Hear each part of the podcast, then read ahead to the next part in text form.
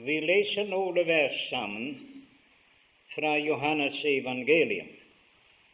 Johannes evangelium, og vi leser først og fremst i det første kapittel. Det første kapittel, Johannes evangelium. Vi leser fra vers 11. Han kom til sitt eget, og hans egne tok ikke imot ham. Men alle dem som tok imot ham, dem gav han rett til å bli Guds barn, dem som tror på hans navn. Og de er født, ikke av blod, eller ikke av kjøds vilje, heller ikke av manns vilje, men av Gud. Les nå i det tredje kapittel og i det første vers. Og det var en mann av fariseerne som het Nikodemus, en av jødenes rådsherrer. Han kom til ham om natten og sa til ham, Rabbi, vi vet at du er en lærer kommet fra Gud. For ingen kan gjøre disse tegn som du gjør, uten at Gud er med ham.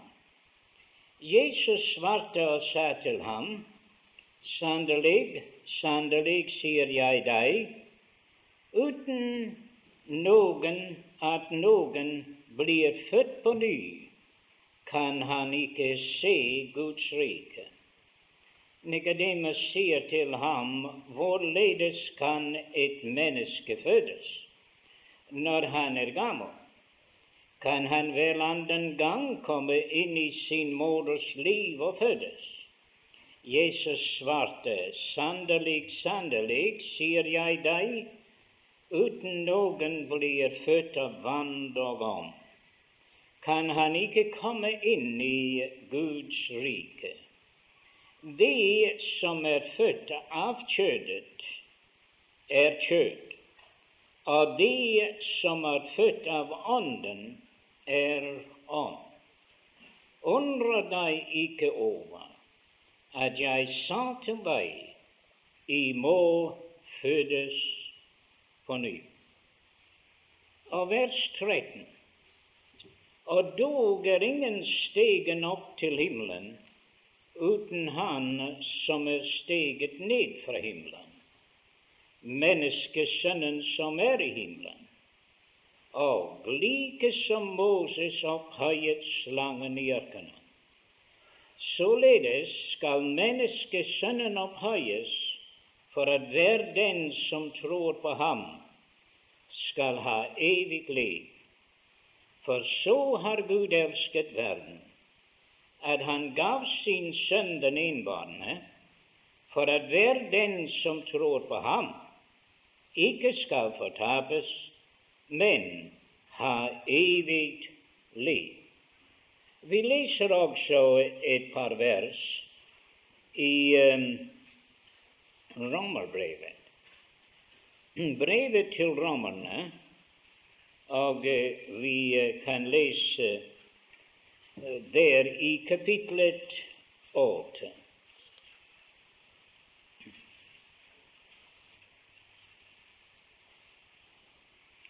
Rom, brevet til romerne og kapitlet åtte.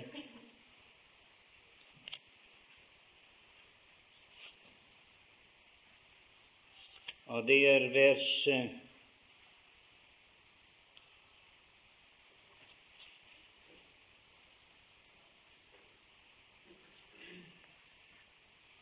Det er vers 14. For så mange som drives av Guds ånd, de er Guds barn. I fikk jo ikke trelldoms ånd, så i at det skulle frykte men I fikk barnekårets ånd, ved hvilken vi råper Abba, Fader. Ånden selv vitner med vår ånd at vi er Guds barn. Men er vi barn, da er vi også arvinger. Guds arvinger og Kristi medarvinger, så fremt vi lider med ham, for at vi også skal uh, bli herliget som for at vi også skal herliggjøres med ham. For jeg holder for at den nærværende tids lidelser er ikke et akte mot den herlighet som skal åpenbares på oss. For skapningen lenges og stunder efter Guds barns åpenbarelse. Skapningen ble jo lagt under forgjengelighet, ikke godvillig, men efter Hans vilje som la dem under, i håp om at også skapningen skal bli frigjort fra forgjengelighetens trelldom til Guds barns herlighetsfrihet. For vi vet at hele skapningen til sammen sukker og er til sammen i smerte inntil nå. Ja, ikke bare det, men også vi som dog har Åndens første grøde, vi sukker med oss selv idet vi stunder efter vårt barnekår, vårt legemes forløsning. Da vi leser et ord, bare et lille vers, uh, der i um, Vi leser i Peters brev. I Peters brev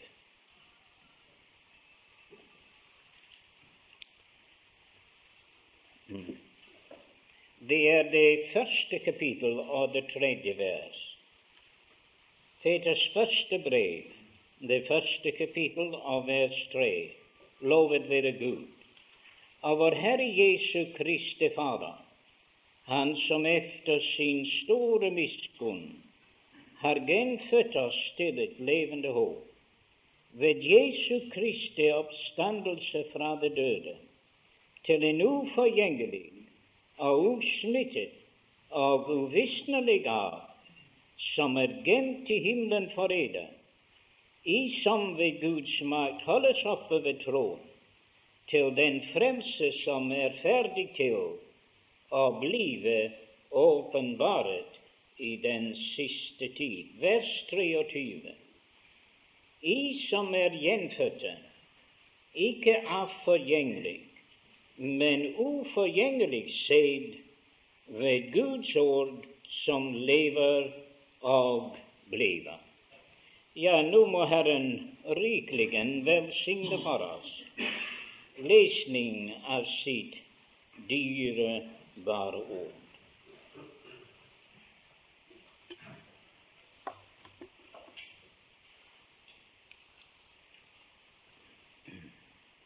I disse aftener som vi har vært samlet om de grunnsannheter i evangeliet. Vi har sett at evangeliet at den bringer til mennesker og velsigner dem med alt som de har behov. Vi mennesker er egentlig et Vi er, trenger til Guds hjelp. Han skapte oss avhengig. Vi er avhengig av Gud. Og det er jo den kjensgjerning som mennesker ikke vil anerkjenne i dag. At mennesker, ja, hele skapning, alt hva Gud har skapt, han har skapt det ganske avhengig av ham selv. Den kan ikke eksistere bortsett fra ham. Og det er dette at hvert menneske eh, de trenger til Gud. De trenger til å komme i berøring med Ham. Og det er mange velsignelser, rike velsignelser, som mennesker trenger til, og de er alle sammen tilveiebrakt i Kristus. Vær så god, kom bare her oppe, det er god plass.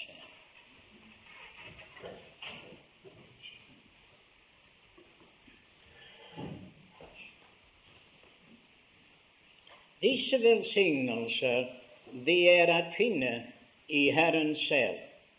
Så derfor har vi søkt å finne hvordan det er at Gud i sin nåde vil velsigne mennesker. Vi har sett at Gud har tilveiebrakt den store forsoning. Det var aldeles nødvendig for at mennesket kunne komme til ham. Et evangelium uten forsoningen er ikke Guds evangelium. Faktisk talt, det er ikke noe evangelium. For evangeliet er dette at mennesker kunne ikke finne veien til Gud. At de kunne ikke gjøre noe for å komme til Gud men at Gud kommer ut til mennesker i Jesus Kristus. Og i dette store offer på Golgatas kors han kom til et sted hvor vi var, i våre synder. Og han kom til oss, og han møtte oss i Kristus og i forsoningen.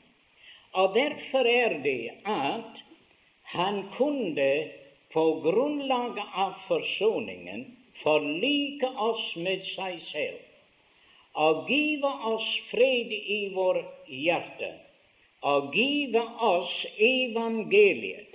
Og evangeliet er la dere forlikes med Gud, så at på dette grunnlag kan mennesket blive brakt i full Eh, samfunn med Gud.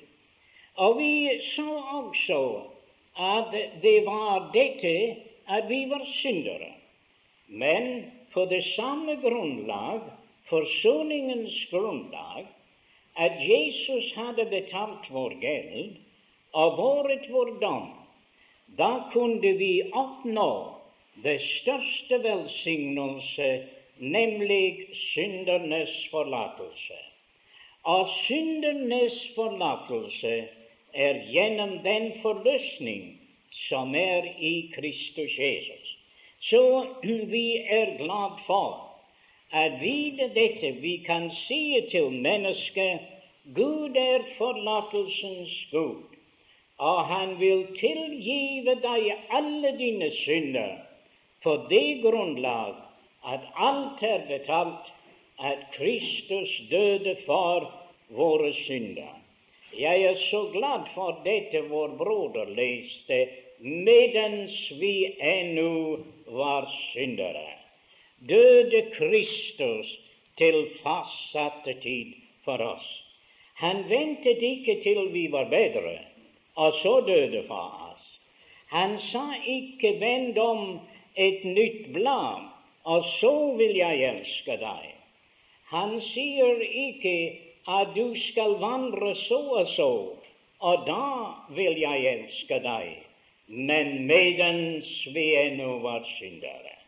Det store budskap kommer til mennesket nettopp i det tilstand de er i, i våre synder. Men vi så forleden aften at det var ikke bare at han tok bort vår skitne klær, men han iførte oss Kristi rettferdighet. Og det kan ikke være noe bedre kledning for å gå evigheten i møte. Det er bryllupskledning. Bryllupskledning er ikke noe du og jeg har gjort. En mann prøvde det, og han ble kastet ut i det evige mørket. Men bryllupskledning er den kledning som kongen selv har tilveiebrakt. Det er Kristi rettferdighet. At jeg kunne finnes i ham, sier Paulus, ikke med min rettferdighet som er efter loven, men med den rettferdighet som er ved troen på Kristus Jesus. Og det er det eneste bryllupskledning. Og ingen kommer til bryllupet uten at du har den kledning på. Gud har ikke to måter at frelse mennesker Det er bare den ene, det som han selv har til veiebrakt. Så at både forlatelse og forlikelse og rettferdiggjørelse, alle disse herlige ting, kommer den vei. Og vi sa at himmelen var et sted for det rene, at intet urent kan komme inn der. Og det er ikke nok at du ønsker å komme til himmelen, men der må være rensning. Ingen kan komme til Gud. Himmelen er en helligdom, hvor den hellige Gud er, og intet som ikke er hellig og ren, kommer inn. Men lovet være Gud, det er dette som evangeliet er.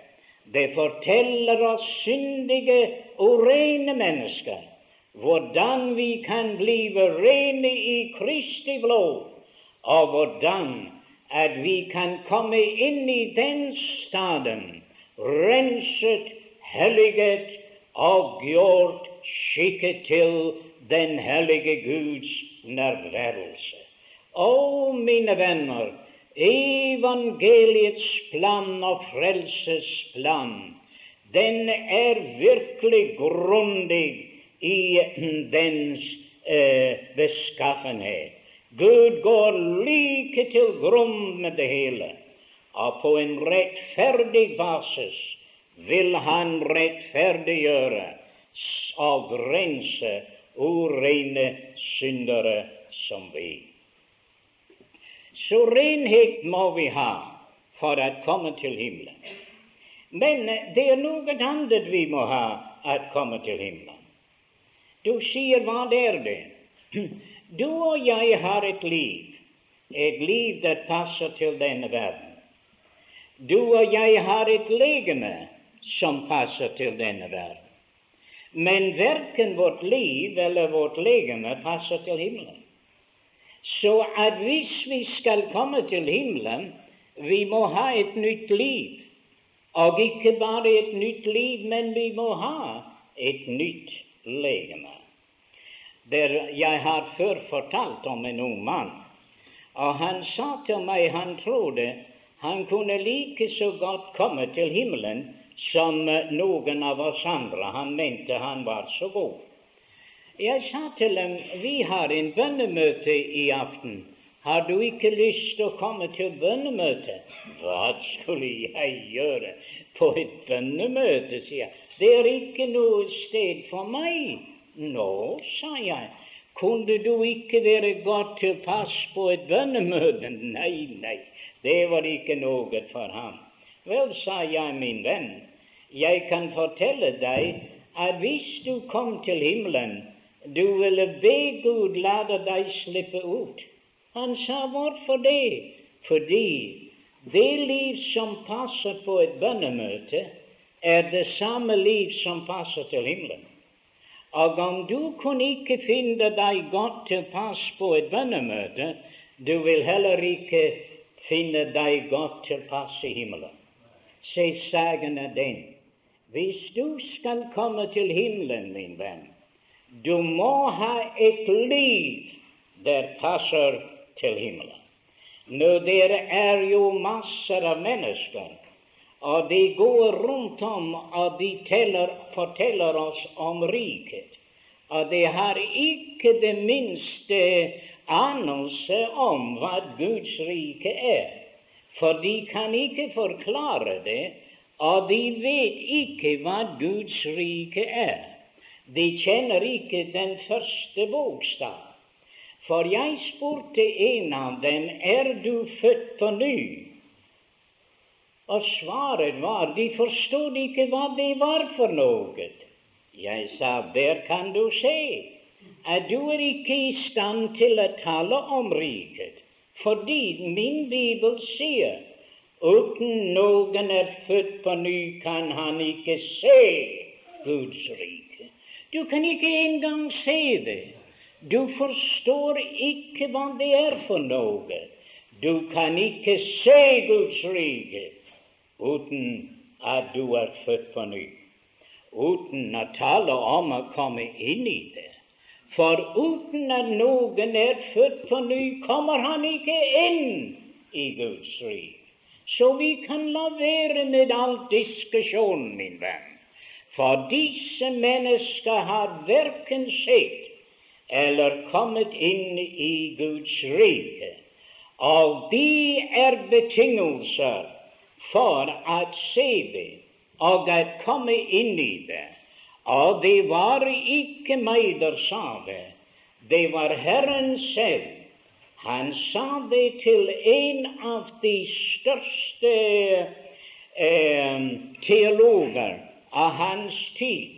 For så vidt jeg forstår, Herren sa til ham, er du læreren i Israel og forstår ikke dette?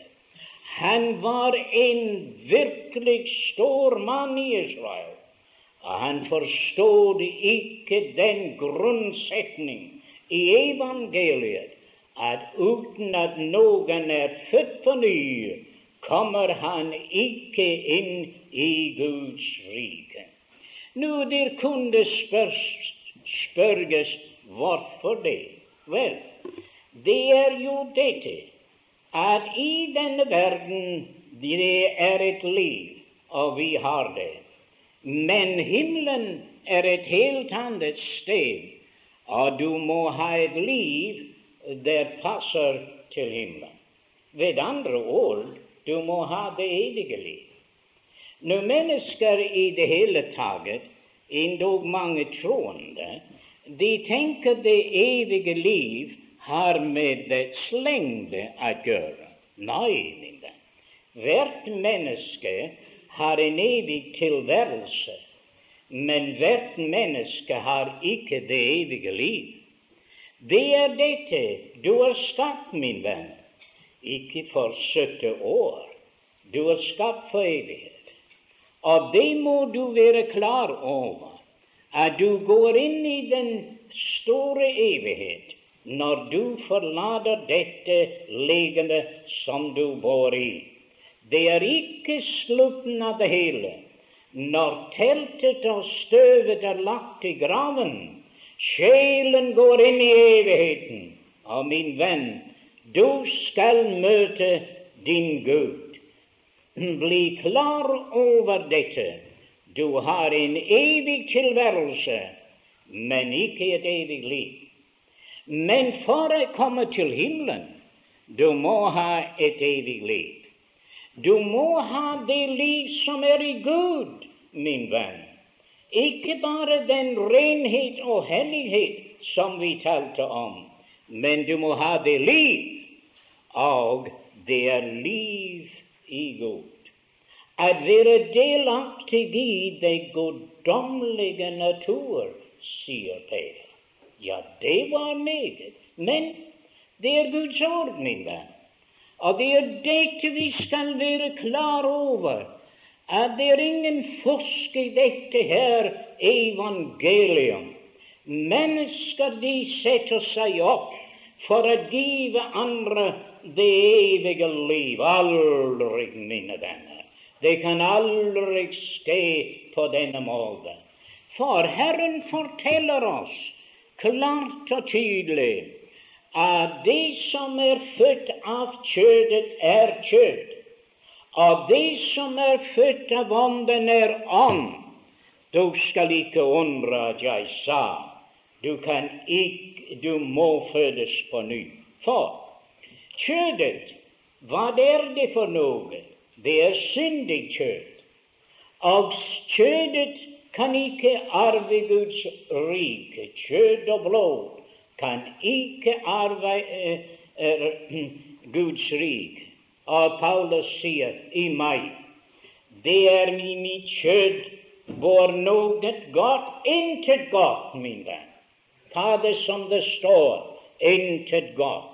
Og jo bedre du kjenner deg selv, jo mer vil du blive klar over dette. At du og jeg er fullstendig fordervet. Det er intet håp for oss. Redningsløst fortapt i kjødet. I mitt kjød bor intet godt. Og derfor er det at det står at kjødet kan ikke tekkes ut. Den kan ikke tekkes ut.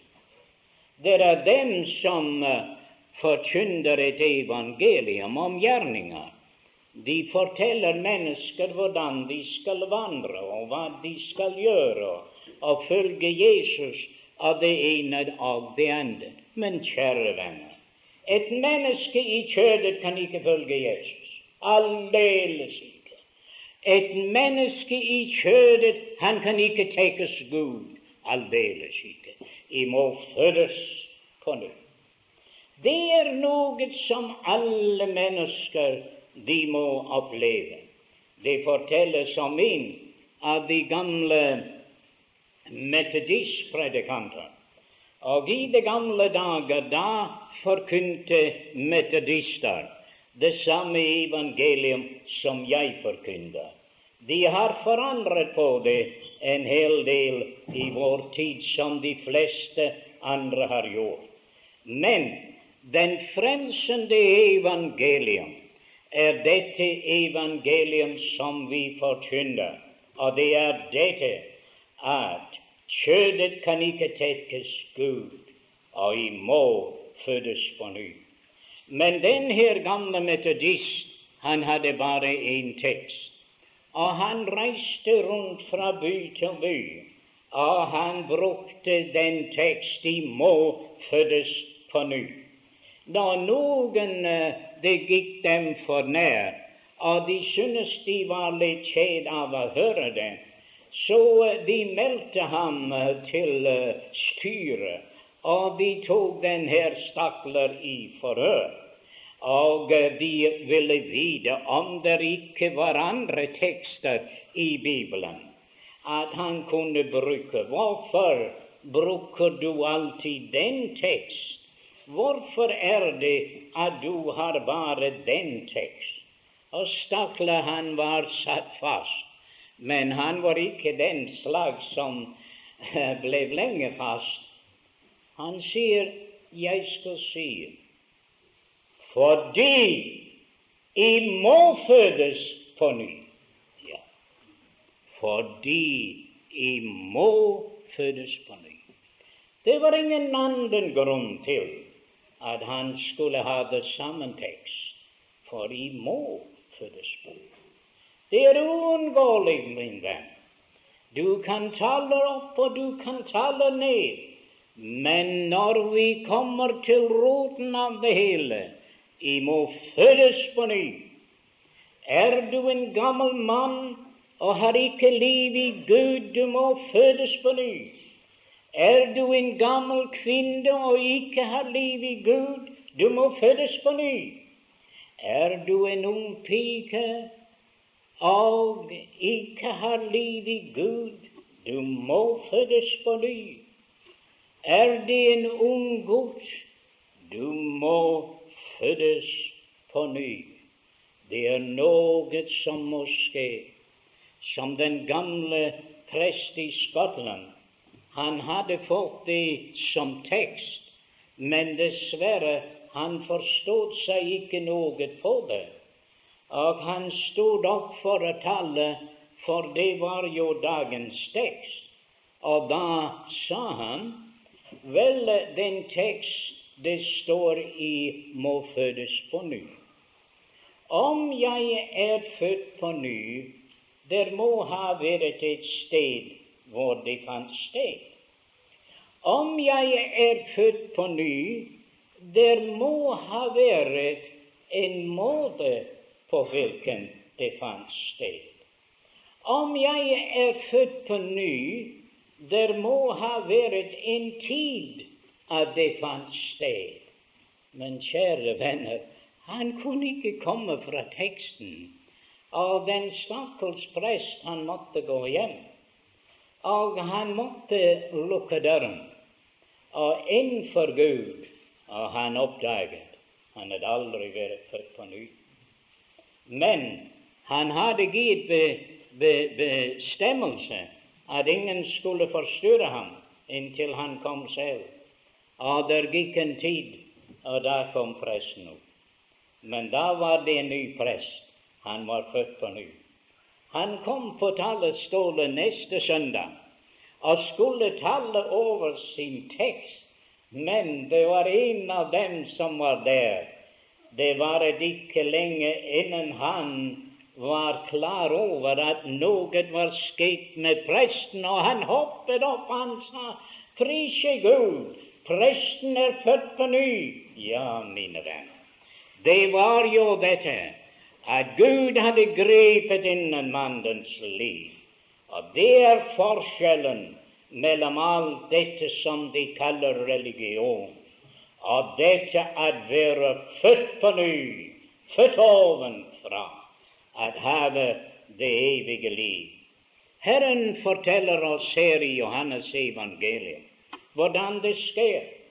Han forteller oss hvordan det ikke skjer, som er født ikke av blod. Ikke av mannsvilje, ikke av kjøttsvilje. Ja, ja. Det er verdt å si og tenke på hvordan det ikke skjer. Se, ikke av kjøtt, ikke av blod, ikke av blod. Dette vil si på denne måten at Nikodemus, han var en jøde. Han hadde en blodforbindelse med Abraham. Men han var ikke født på ny av den grunn. Ja? Nå, det er mange de tror at fordi at de er født i et såkalt kristent land, at alt står vel til. Ikke av blod. Men min fader og moder var kristne, sier en av de unge gutter. Ja, men ikke av blod. Din fader og moder er kristne, men hvis du ikke er født på ny, du er ennå i syndens legge, og du må fødes på ny. Ikke av blod La oss være klar over dette. Hver eneste menneske de må ha en opplevelse at komme i berøring med Gud, ikke av manns vilje. Jeg har tenkt at ikke av blod. Det er det tredje kapittel Johannes evangelium. Det vil si eh, han var en ren jøde. Og eftersom hans slekt var, han hadde rett til visse privilegier. Men i det fjerde kapittel du leser om en kvinne. Hun var en samaritaner, kvinne. Og det vil si en helt annen slags, ikke av kjødsvilje. ikke av kjødsvilje. Disse samaritanere de var ikke jøder. De hadde ingen blodforbindelse med jødene. Og derfor de kunne ikke bli jøder. Så? Men så var det at de besluttet at de skulle bli jøder allikevel. Og de sendte for en levit, og han lærte dem det jødiske skikket og alt dette. Og nå sier de nå er vi jøder, sier de. Men de var ikke jøder for det. Ikke av mannsvilje, ikke av kjønnsvilje. Du kan ikke si nå er vi kristne. ja, ikke av kjønnsvilje. Du, min venn, kan ikke gjøre hedninger i Afrika til kristne. Verken med den ene ritual eller den andre ritual. De må fødes på ny på samme måte som du og jeg. Og det står også ikke med manns vilje. Jeg tror jeg har hørt om en norsk høvding at han gjorde folk til kristne med sverdet. Og hvis de ikke ville bøye seg og blive kristne, ja, jeg vet ikke om dette var manns vilje, men i hvert fall han ville gjøre dem alle til kristne. Men det går ikke på denne måten. De må fødes på ny. det er en ganske personlig sak. Du må komme i berøring med Gud. Den nye fødsel er en personlig opplevelse med Gud. At havet kommet i berøring med Ham, er du født på ny, min venn. Har du opplevd dette? Det var jo fullstendig uklar for denne Nikodemus. Jesus sier, er du en lærer i Israel og ikke vet dette? Tenk, han hadde lest sin bibel. Den stod i Bibelen, ja, og Herren forteller ham hvor det stod i Bibelen, men han hadde ikke forstått. 38 år var Israel i ørkenen, og det merkelige er akkurat så lenge som den mannen i Johannes 5 han hadde ligget der for å bli kurert. Men han kunne ikke bli hjulpet, for han hadde ingen mann. Det er ikke av manns vilje. Han trengte til noen annen hjelp utenfor seg selv å blive helbredet. Men det var ikke til å drive opp som mannen ligger 38 år. Ja, ja, det er merkverdig. Jeg talte over det en gang på Færøyene. Og en mann han kom til meg, og han sa Vet du, Adam, hvor gammel jeg er? Nei, det har jeg ikke tenkt på. Jeg trodde du visste, sa han, som du talte, for jeg er 38 år. Han hadde ligget i 38 år og hadde ikke liv i Gud. Men lovet være Gud, han fikk liv i Gud. Og den mann her, han fikk også liv i Gud. For Herren sier, stå opp, ta din seng og gå. Ah, det var Guds kraft der kom inn i den manns liv. Ikke manns vilje, men av Gud.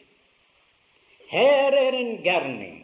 Det er like så guddommelig som skapelsen, min. Når Gud skapte denne verden, han bad ikke deg og meg hjelpe ham. Han gjorde det alt selv. Og når Gud han kommer inn i ditt liv. Han har ikke bedt deg hjelpe ham, men av Gud. Det er Gud der griper inn i ditt liv. Og om Gud ikke griper inn i ditt liv, min venn, du kan være klar over det blir en fiasko.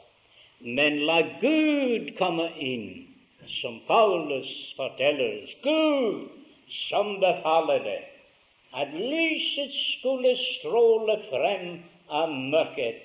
Han har latt det stråle inn i våre hjerter. Når lyset går opp for deg, det er like som en ny skapelse, for det er nettopp hva det er. For han sier om noen er i Kristus Jesus, da er han en ny skapning. Du sier, hva er dette? En ny skapning? Ja, den der forstår seg på grunnspråket, forteller oss at det er en ny skapelse. Ja. Og den mann som kommer i berøring med Gud og er født, da er han et nytt menneske. Fullstendig nytt.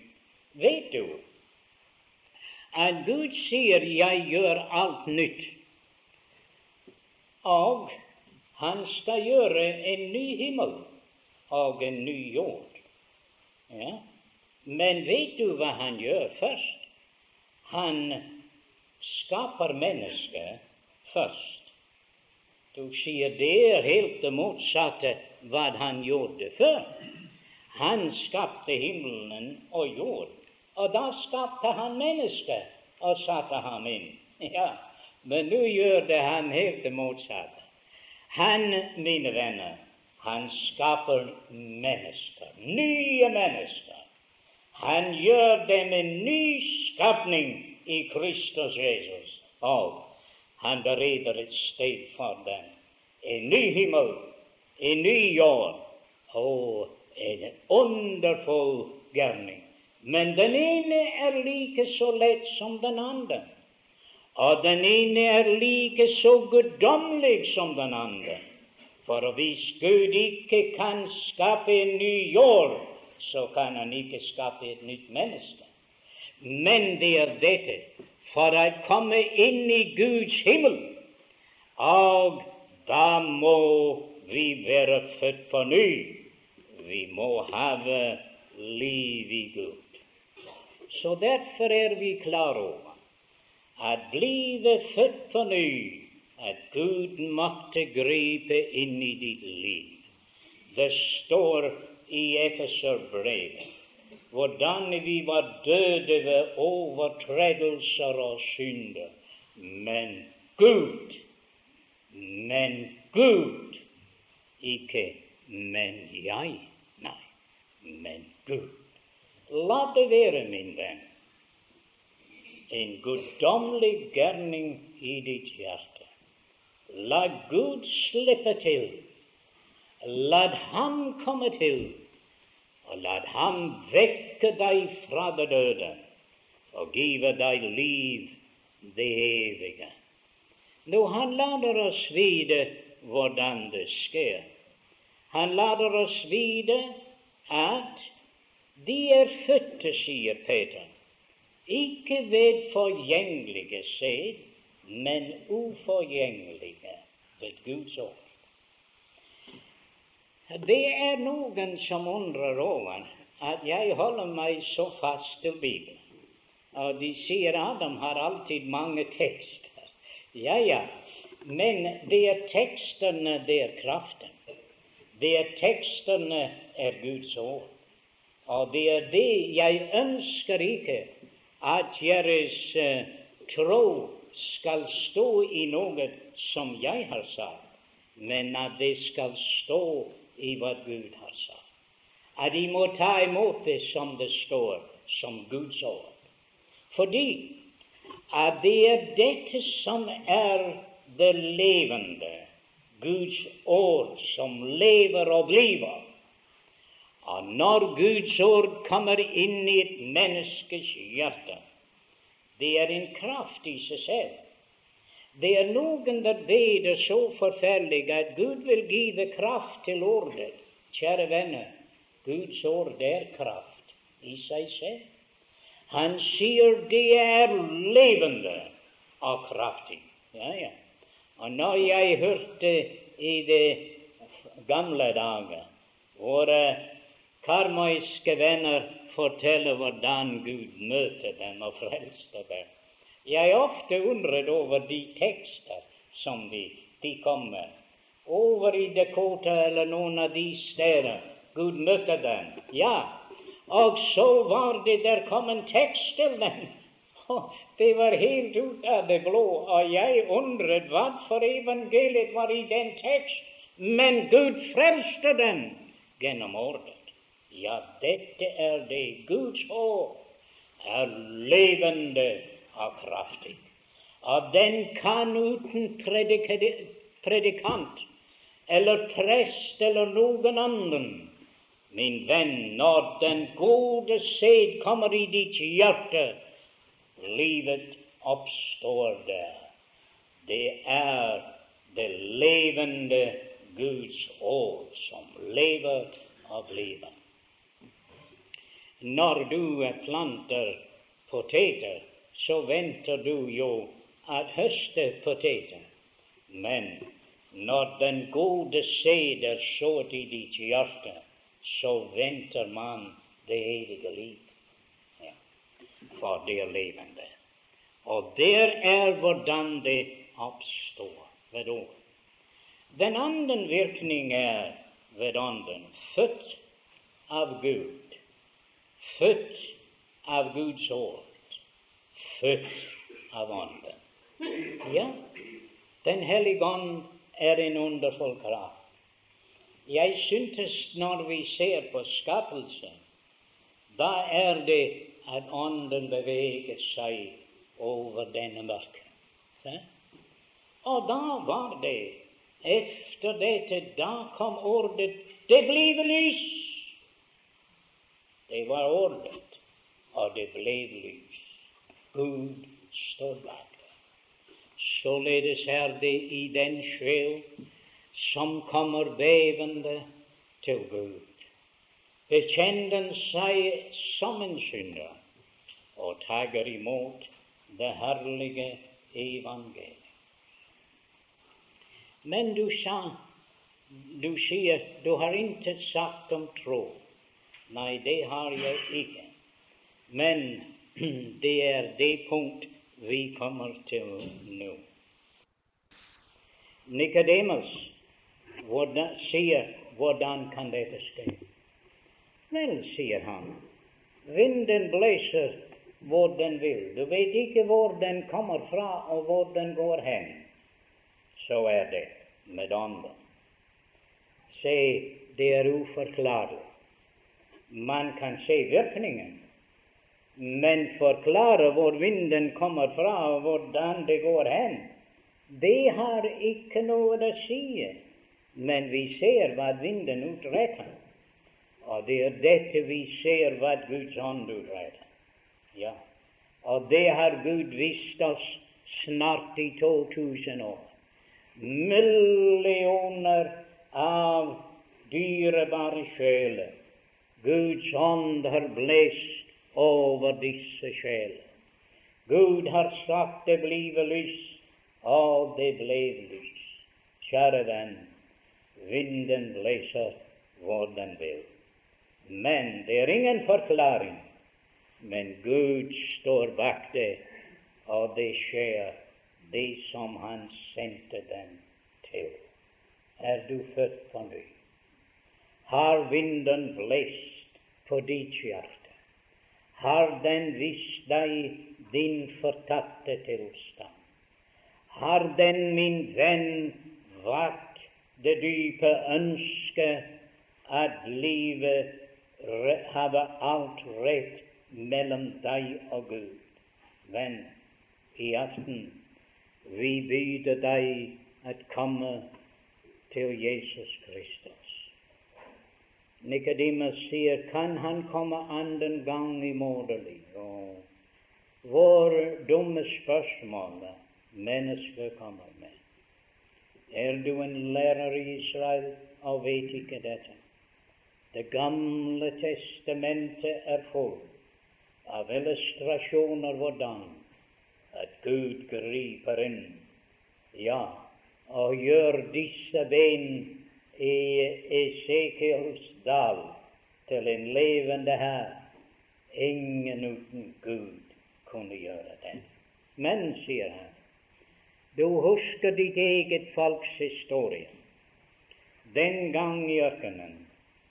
Og da sier han som Moses opphøyet slangen i ørkenen. Hvordan kan man bli født på ny? Hvordan kunne disse folk få liv der i ørkenen? Sett nå at Moses sier til dem vi skal vise jer hvordan I skal tjene slangene. Jeg er redd for at de døde alle sammen. Eller om han sa til dem jeg skal give jer noen gode råd, at de kan holde jer ut av veien for dem. Ingen av disse tingene. Saken var den at det var tusener av dem der var bitt av disse eh, giftige slanger, og det lå døende rundt omkring. Hva trengte de til? De trengte til en frelser. De tenkte til noen kraft der ville gjøre dem levende. Der vil overvinne giften i disse slanger. Men de var hjelpeløse. Nå sier Herren Moses, du skal løfte Gjør en kopperslange. Løft det opp på en stang. Og nå skal jeg si til deg Si til folket, se på kopperslangen. Gud sier, den der ser på kopperslangen, han skal leve. Du sier dette der er ganske uforståelig. Ja, men det var Guds vei. Du sier dette der er dårskap. Ja, det sa de i Korint også. Men det er Guds vei.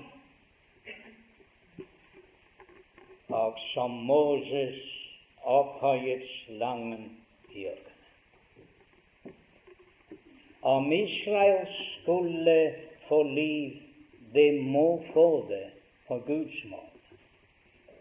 Og hvis du skal få liv, du må få det på Guds måte. Du får det ikke på den måte som du mener. Og du får den heller ikke på den måte som andre mennesker lever. Det er ikke et ord om ritualer i å være født på ny. Aldeles ikke. Verken dåpen eller noe annet. Kjære venner, det har med helt andre saker å gjøre.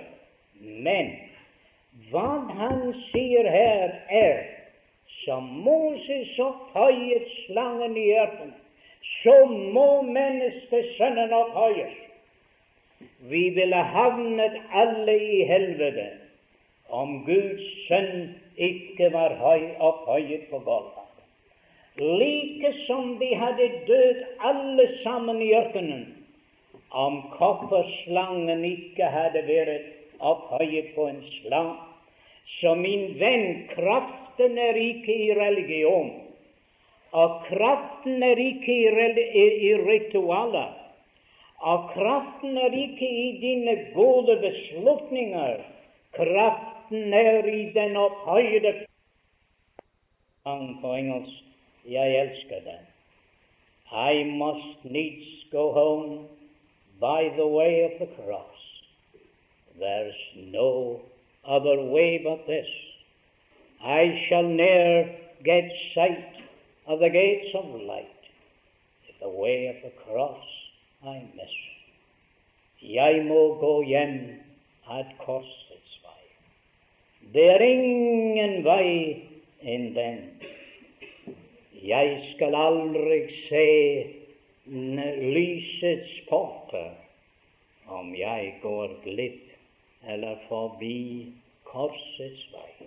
Kjære venn, som Moses opphøyet slangen i ørkenen, så må menneskesønnen opphøyes. Se ham tårnekronet. Se hans hender gjennombåret av hans føtter. Se spydet i hans side som Moses opphøyet slangen i hjertet. Så må menneskesønnen opphøyes. For enhver hver den som trår på ham, ikke skal fortapes, men have et evig liv. Jeg kan tenke meg at disse folk de begynte å se på kopperslangen, og den ene løp opp og priset Gud, og den andre stod opp og priset Gud.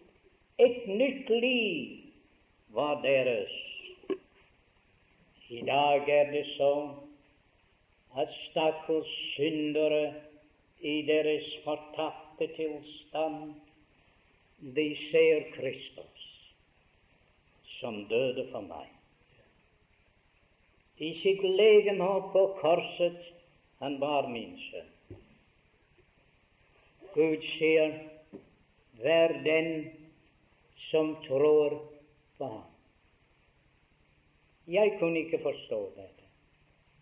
Jeg tror ikke du kan forstå det. Men hva er det nå? Vil du ta Gud på ordet? Det er å tro å ta Gud på ordet. Gud sier til deg han må opphøyes.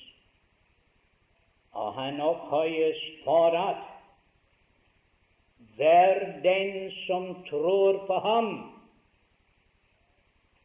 ikke skal fortapes, men have et evig liv. Ikke skal fortapes. Helvetes port er lukket mot ham. Men har evig liv. Himmelens port er åpne for dem. Vil, er du født på ny? Vil du gjerne være født på ny? Det er bare én vei. Som Moses opphøyet slangen i ørkenen, så må mennesket Sønnen opphøyes, for å være den som tror på ham, ikke skulle fortapes, men har et evig liv. Å, vår velsign. Vil du ta Gud på ordet?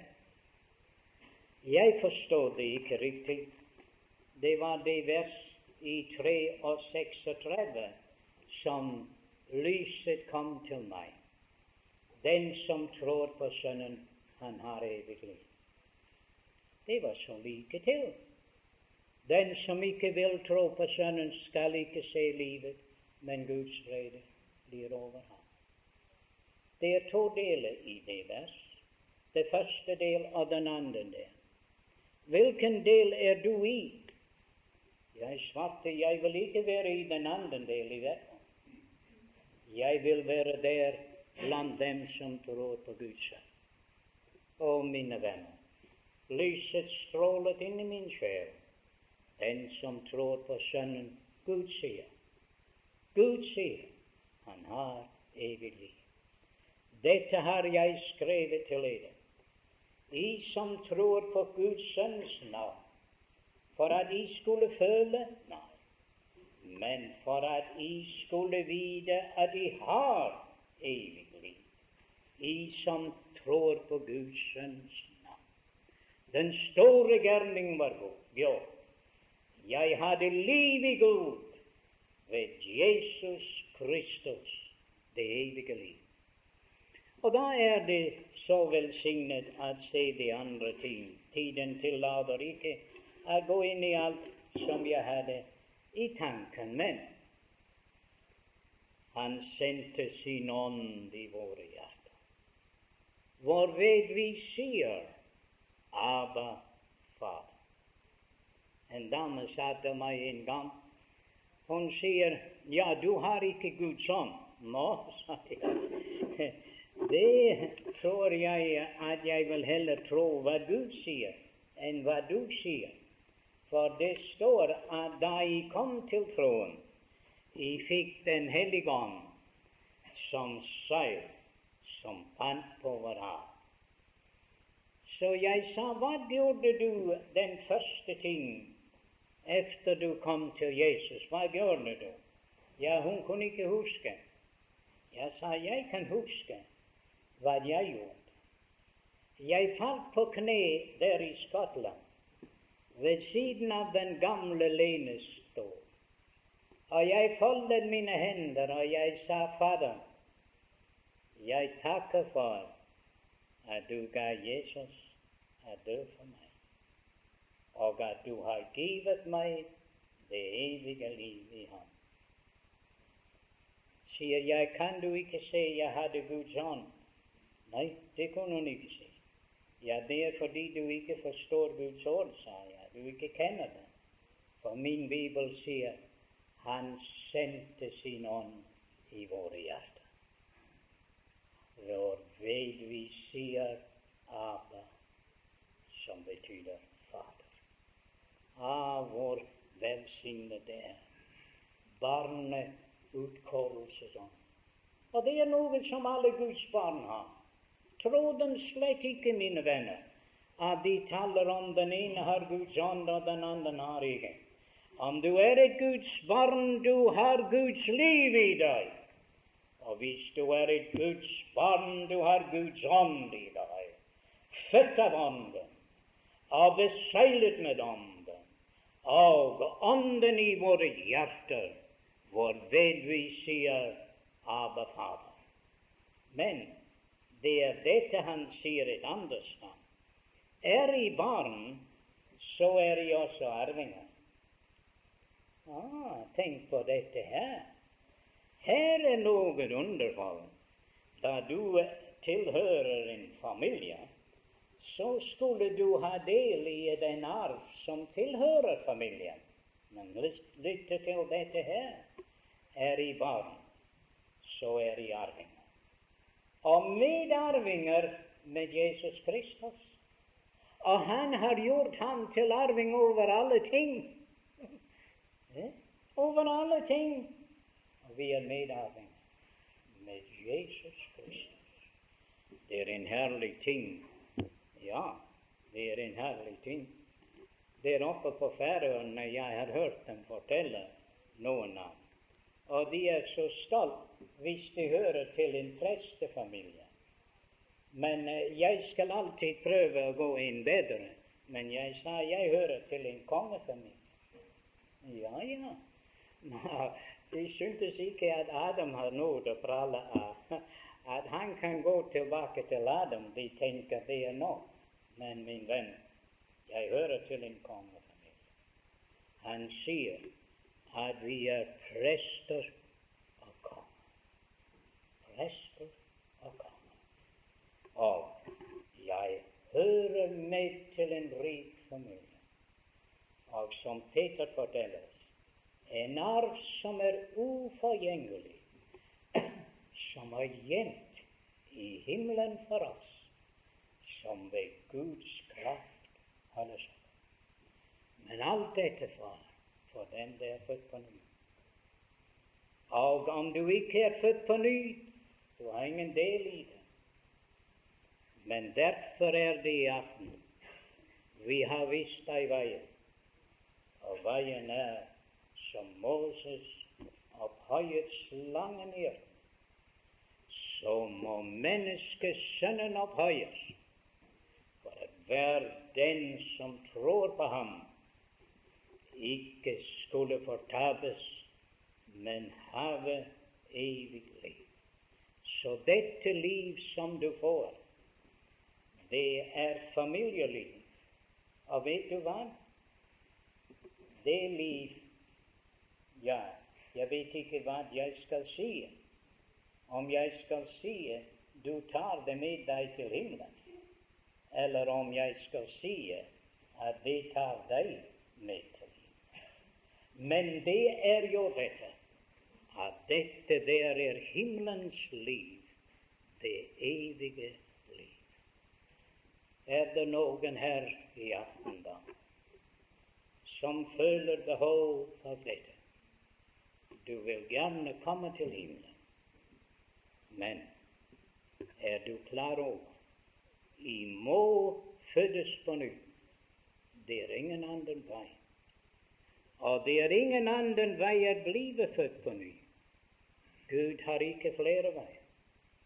Han er bare den ene som Moses opphøyet slangen i ørkenen, så må menneskesønnen opphøyes, for at hver den som tror på ham, ikke skulle fortapes, men have evig liv. Om du ikke kommer, min venn, og hviler på Kristi fullbrakte verk for din frelse, så er det intet håp for deg i tid eller i evighet. Det er hver den som tror på ham, ikke skulle fortapes, men er gått over fra døden til liv. Kom så i aften, min. Kom som du er. Legg ikke noe av ditt eget til, for det står i er født av Gud. Må Gud gripe inn i ditt liv igjen. Og det er kontakten. Det øyeblikk du tror på Guds Sønns navn, da sier Gud til deg og vitner med din ånd at du er Hans barn. Den som tror på Sønnen, han har evig liv. Og det er hva det vil si at være født på ny. Du er en ny skapning i Kristus Jesus, og du er hans barn og har hans liv. Skal vi bede? Fader, vi er bøye for deg. Vi sier deg så hjertelig takk for at du har beredt oss alt hva vi behøver endog dette at vi skulle ha et liv der passer til himmelen. Dette liv har du givet oss i Kristus. Så vi bare gleder oss til den stund at du vil komme og hente oss hjem til deg. Så velsign ditt ord for alles hjerter i aften. Du kjenner alle. Herre, du kan tale til alle. Og vi beder deg om at sjeler her i aften som ennå ikke har sett opp til Jesus det korsfestede, må gjøre det i aften. Og Fader må tro på din innbåndelse. Grip inn, å Gud, og gjør din gjerning i sjel i aften. I Jesu navn. Amen.